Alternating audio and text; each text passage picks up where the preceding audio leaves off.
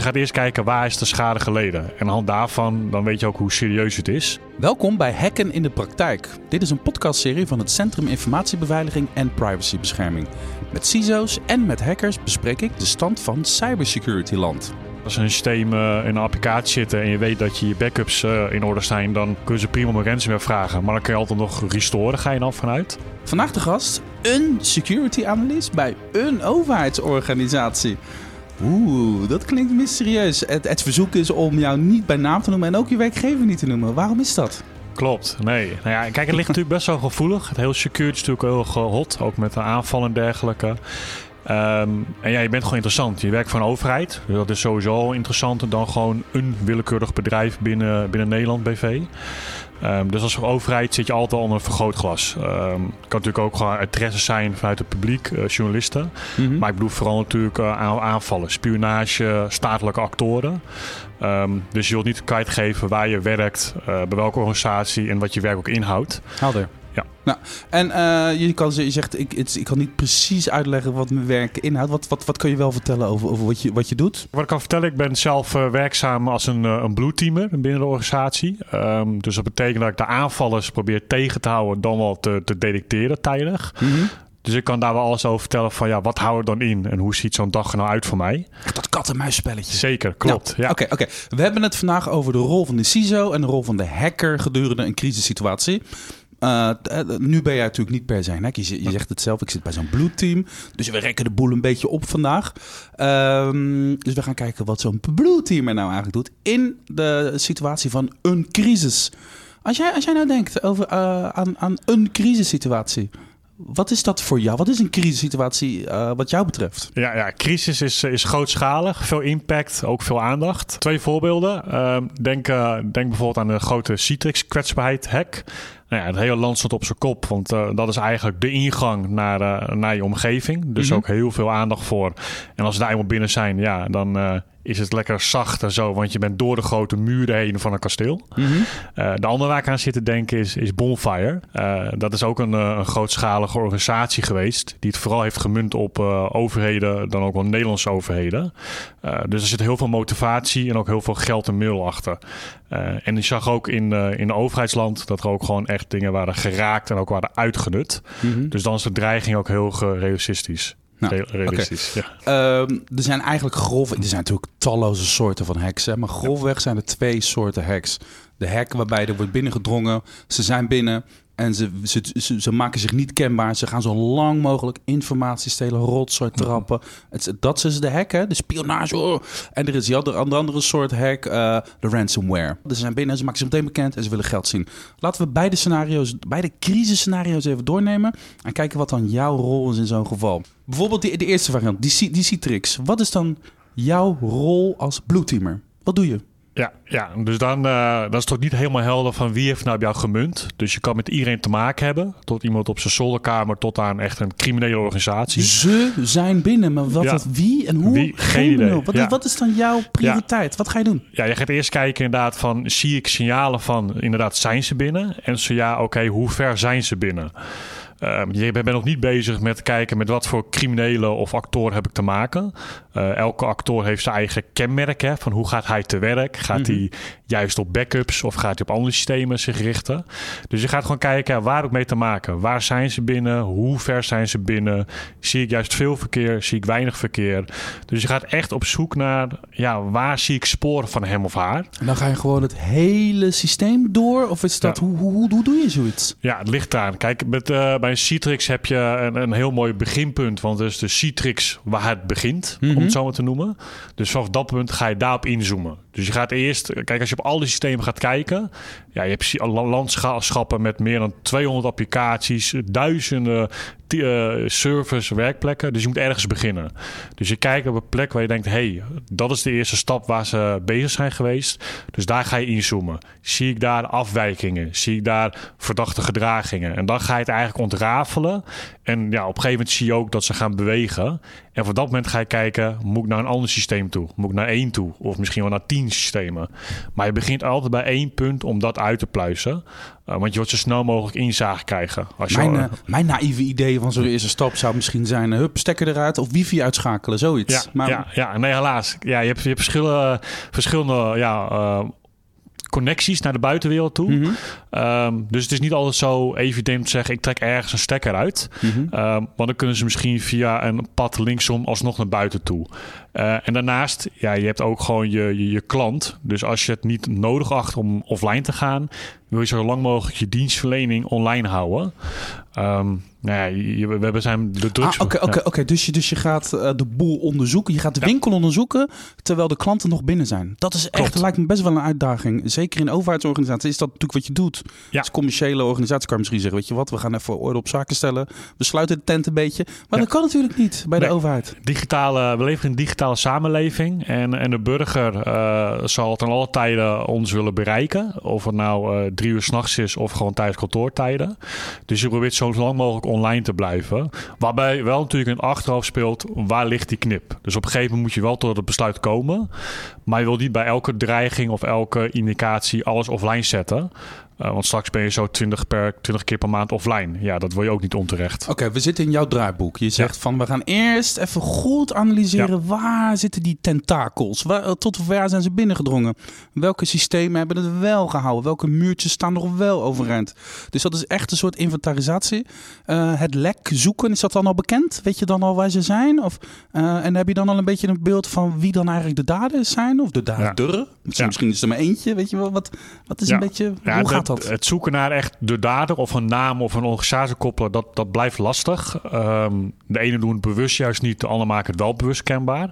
Dus eigenlijk in ons onderzoek zijn we niet zozeer bezig met, oké, laten we meteen plotten aan een organisatie die het op ons gemunt heeft.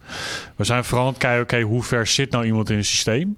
En dan kijken, ja, de, de maatregelen die al getroffen hebben, de definitieve maatregelen, hebben die ingegrepen? Zo ja, prima daar zijn ze voor bedoeld. Dan kan je eigenlijk al gaan afschalen. Mm -hmm. Zo niet, dan ga je kijken... oh jee, de eerste lijn is doorbroken. Zijn ze door de tweede lijn gekomen? Hoe ver zijn ze gekomen? Als laatste ga je natuurlijk kijken... hoe kunnen we dat zo snel mogelijk stoppen? Dat ze niet verder kunnen komen. Ook niet meer schade kunnen aanregelen. En daarna ga je ze ook natuurlijk verwijderen. Uh, je zou denken, hij loopt daar zo rond, maar hij maakt gewoon stukjes software. En dan is hij al lang al weg naar een andere target toe. Maar zijn software zit nog wel te draaien en te zoeken en te pingen naar zijn eigen systeem toe. Ah, dus, dus je gaat ook opschonen. Ja, oké. Okay. Ja. Oké, okay, dus jij hebt een soort draaiboek. Jij, hebt, ja. jij, jij weet heel duidelijk wat je te, te, te, doen staat. Jullie zitten in een soort creatief proces, neem ik aan. Hè? Wat je, ja. Het is constant een beetje sparren en pingpongen. Hoe ziet, hoe ziet, wat zijn waar ik aan doen hier? Uh, dan het andere scenario. Dit is dus het scenario waarbij je niet weet wie de, wie de boeven zijn. Um, je komt daar waarschijnlijk al naar, uh, aldoende kom je daar misschien een beetje achter. Die antwoorden die komen misschien min of meer vanzelf. Dat andere scenario, de boeven zijn binnen en ze steken meteen een vlaggetje op. Hallo, we zijn er, we willen geld zien. Dan heb je waarschijnlijk een ander handelingsrepertoire. Klopt, ja. En dan weet je ook met wat voor partij je te maken hebt. Mm-hmm. Dus uh, dan heb je ook meteen een idee, wat zijn de motieven?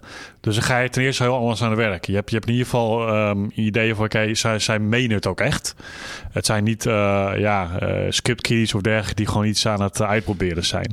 Dus je gaat eerst ga je kijken, ja, hoe, hoe gaan zij überhaupt te werk? Um, zijn ze net ook zo serieus en wat zijn de motieven? Moet jij misschien niet eerst ook een inschatting maken van, oké, okay, ze willen een paar ton mm. hebben. Ze hebben ons systeem geblokkeerd. Ik zie het. Maar dat je eerst even gaat kijken van... Uh, hoe, hoe, hoe, handig zijn ze werkelijk? Hoe, ja. hoe vast zit het systeem echt? Want ik kan me voorstellen dat je, dat je niet meteen uh, denkt van... hé, hey, we gaan betalen. Of je gaat ook misschien niet meteen besluiten... we gaan niet betalen.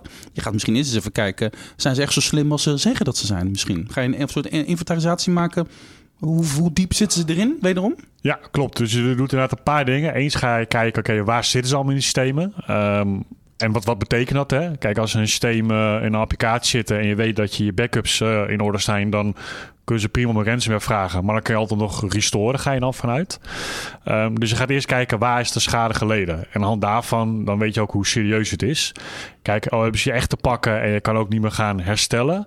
Ja, dan ga je natuurlijk al kijken naar andere mogelijkheden van ja, ga ik systeem opnieuw opbouwen?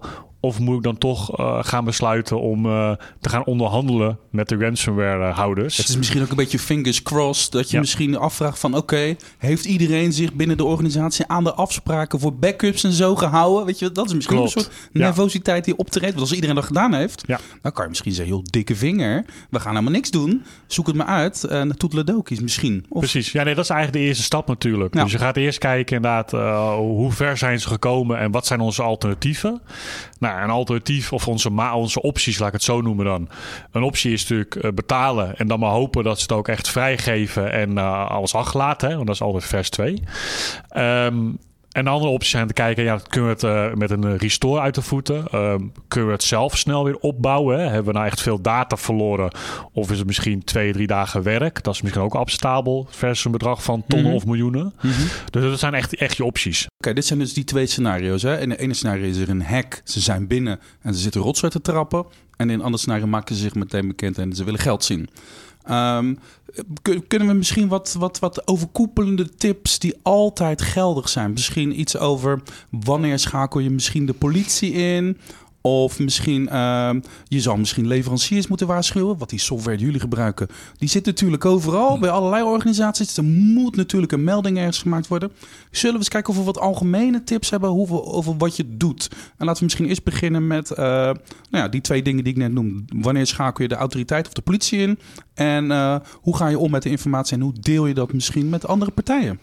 Ja, dus hoe je met autoriteiten en politie omgaat, dat verschilt ook weer per organisatie. Overheden moeten ook uh, uh, melden, incidenten melden aan het NCC bijvoorbeeld, mm -hmm. het Nationaal Cybersecurity Centrum. Dus dat ligt ook wel aan je, aan je branche. De ene heb je ook echt verplichtingen, een andere is het wat meer vrijblijvend. In onze gevallen, als wij uh, ja, worden gehackt, zullen we dan alle tijden het aan een NCC melden en ook aangifte doen bij, bij de politie. maar goed, dat verschilt per organisatie. Ja. Dus dat is eigenlijk geen twijfel over mogelijk. Als er iets gebeurd is, incidentwaardig, Meteen go. ga je het melden bij autoriteit, politie en NCC. Ja, en uh, dat zijn ook de partijen die misschien die informatie moeten verspreiden onder andere organisaties of, of de leveranciers? Of is er, zie je daar ook een rol ja. voor jou en of de CISO? Klopt. Ja, CISO uh, zit er ook in bij betrokken. Want die schakelen natuurlijk ook met uh, CISO's van, uh, van leveranciers bijvoorbeeld op zijn niveau. Um, met het NCC heeft hij daar ook zo contacten mee. Um, maar het zijn wel twee aparte trajecten. Hm. Dus wij schakelen dan met het NCC, zodat zij ook andere partijen kunnen behoeden informatiedeling. Technische details Technische, delen. Ja, ja, klopt. Uh, wellicht ook zelfs al ons kunnen ondersteunen van hey, uh, als jullie dit, uh, als, jullie, als dat bij jullie geraakt is, denk hieraan, doe dit soort taken bijvoorbeeld. Dus het is een tweeweg communicatie. met de leveranciers is een ander traject. Dus daar schakelen we dan als organisatie met de leveranciers. Om te kijken, zit in jullie systemen? Wat doen jullie eraan? Hoe monitoren je? Het is eigenlijk een hele aparte ja, omgeving, een eigen aparte organisatie. Een andere communicatielijn ook weer. Oké, oké. Okay. en dan wat, wat meer terug op de casus zelf. Uh, jouw relatie met de CISO. Heb je daar wat algemene tips over misschien de communicatie of de afspraken die je, die je maakt in geval van nood? Wat zijn daar de, de tips? Ja, Um, het eerste begint natuurlijk leer je CISO kennen. En uh, wat ik daarmee bedoel is van je hebt technische CISO's, je hebt meer CISO die meer op bestuur gericht is. Dus weet ook wat zijn kennisniveau is, uh, waar hij behoefte aan heeft en waar hij het zelf ja, wellicht kan invullen. Um, dus krijg gewoon feeling met um, wat, wat heeft een CISO nodig om zijn taak goed te kunnen uitvoeren. En, en, en leg ook uit wat de CISO van jou kan verwachten. Precies. Ja, ja. oké. Okay. Dus dat is een beetje kennen ken elkaar. Ja. Je gaat natuurlijk uh, samen een draaiboek maken. Ja. Zoiets? Of, of, of de, de, af, de afspraken vaststellen van dit is hoe wij opereren samen? Klopt, klopt. Je, hebt dan, je zit eigenlijk denken aan een soort crisisorganisatie waar je dan draaiboeken hebben. En daar speelt een CISO natuurlijk een rol in. Um, en daar ben je gewoon onderdeel van. Dus zo'n CISO die krijgt bepaalde taken in de crisis. Uh, wij krijgen bepaalde taken in de crisis. Uh, en dan moet je het helder krijgen van wat je van elkaar kan verwachten. En je hebt alle taken, alle bevoegdheden die daar misschien bij horen goed af, afgestemd. Zodat je in geval van crisis niet hoeft te twijfelen. Je hoeft het niet te dubbelchecken. Je weet precies wat je kan en wat je mag doen. Klopt. Ja, je hebt een bepaald mandaatregister om het zo maar te noemen. Precies. Dus in dat soort uh, ja, stukken moet je snel handelen. Dus je wilt van tevoren uh, in zo'n crisis dan met de CISO helder hebben. Uh, als we dit te maken hebben, wat mag ik dan wel of niet doen? Mm -hmm. Dan wel zonder jouw besluit. Sommige dingen moeten altijd bij een bepaald echelon komen voor besluit. Mhm. Ehm, maar van tevoren wil je helder hebben hoe ver mag ik gaan in zo'n situatie. Oké, dit thema, hè? hoe ga je om met, een, eh, met zo'n met zo'n crisissituatie? Wat is de rol van de CISO? Eh, die ga ik natuurlijk ook met de CISO bespreken. Heb jij nog een beetje een slimme vraag die ik eh, mee kan nemen? Ja, ik zou vooral aan, aan de CISO willen vragen van wat je van elkaar kan verwachten. Ehm, wat je niet zou willen hebben als je in een, in een crisissituatie zit. Dat de CISO een bepaalde verwachting van jou hebt eh, die je niet kan waarmaken. Ik denk gewoon eh, dingen kunnen uitvoeren, eh, mandaat kunnen uitzoeken, raadplegen. En vice versa. Ehm, moet ik natuurlijk ook kunnen weten waar heb ik een CISO voor nodig. Dus eigenlijk mijn vraag aan de CISO is, eh, is eigenlijk wat heeft een CISO nou nodig vanuit mijn Blue Team? Laatste vraag. Ehm, je, bent, je bent relatief jong. Je bent een techneut. Ben jij ook daadwerkelijk zo iemand die in zijn puberteit al vanaf de zolderkamertje in zat te breken in het systeem van school om de cijfers te veranderen? Want dat is natuurlijk zo'n lekker verhaal altijd. Ben, ben jij zo iemand? Ja, ja en nee. Het, het, klinkt, eh, het klinkt leuk als jij het zo vertelt. Ehm, maar in praktijk heb ik natuurlijk wel eens wat, wat dingetjes gedaan. Eh, ik word meer nieuwsgierig. Eh, Wat dingetjes gedaan? Ja, ja, zoals bijvoorbeeld een basisschool, eh, handarbeidt. Ik kan me nog steeds herinneren. Toen moest je je examens of je toetsjes dan eigenlijk maken op een, op een hele oude computer. Ehm, maar je had ook een leraraccount. Ehm, met een wachtwoord. En eh, nou ja, als de leraar dan ging intikken, die was zelf ook niet echt IT onderlegd. Dus die tikte met één vinger tegelijk. Dus je kon zo zijn wachtwoord aflezen. Ah. Dus toen we daarachter waren gekomen, hebben we als eh, op het systeem zo ingelogd met zijn wachtwoord. En, eh, en sommige cijfers wat opgehoogd. Dus jij was goed in handvaardigheid vroeger? Ja, ik was zeker goed. ja, daar zijn we haast wel achter gekomen. Dus daarna kon het niet meer doen. Oké, maar uiteindelijk heb je ervoor gekozen om op een legale manier, op een goede manier deze kwaliteiten in te zetten om iets goeds te doen. Ja. En je hebt niet eh, overweging gehad om eh, op het boevenpad op te gaan met deze Nee, skillset. nee, nee, zeker niet. Dankjewel, mysterieuze security analyst van wie ik de naam niet mag noemen en de organisatie. Dankjewel voor je verhaal en succes met je mooie werk. Dankjewel. Hopelijk heeft dit gesprek je geïnspireerd. Luister ook de andere afleveringen terug. Gewoon op jouw eigen podcast-app. Meer informatie vind je op sip-overheid.nl slash uitgelicht.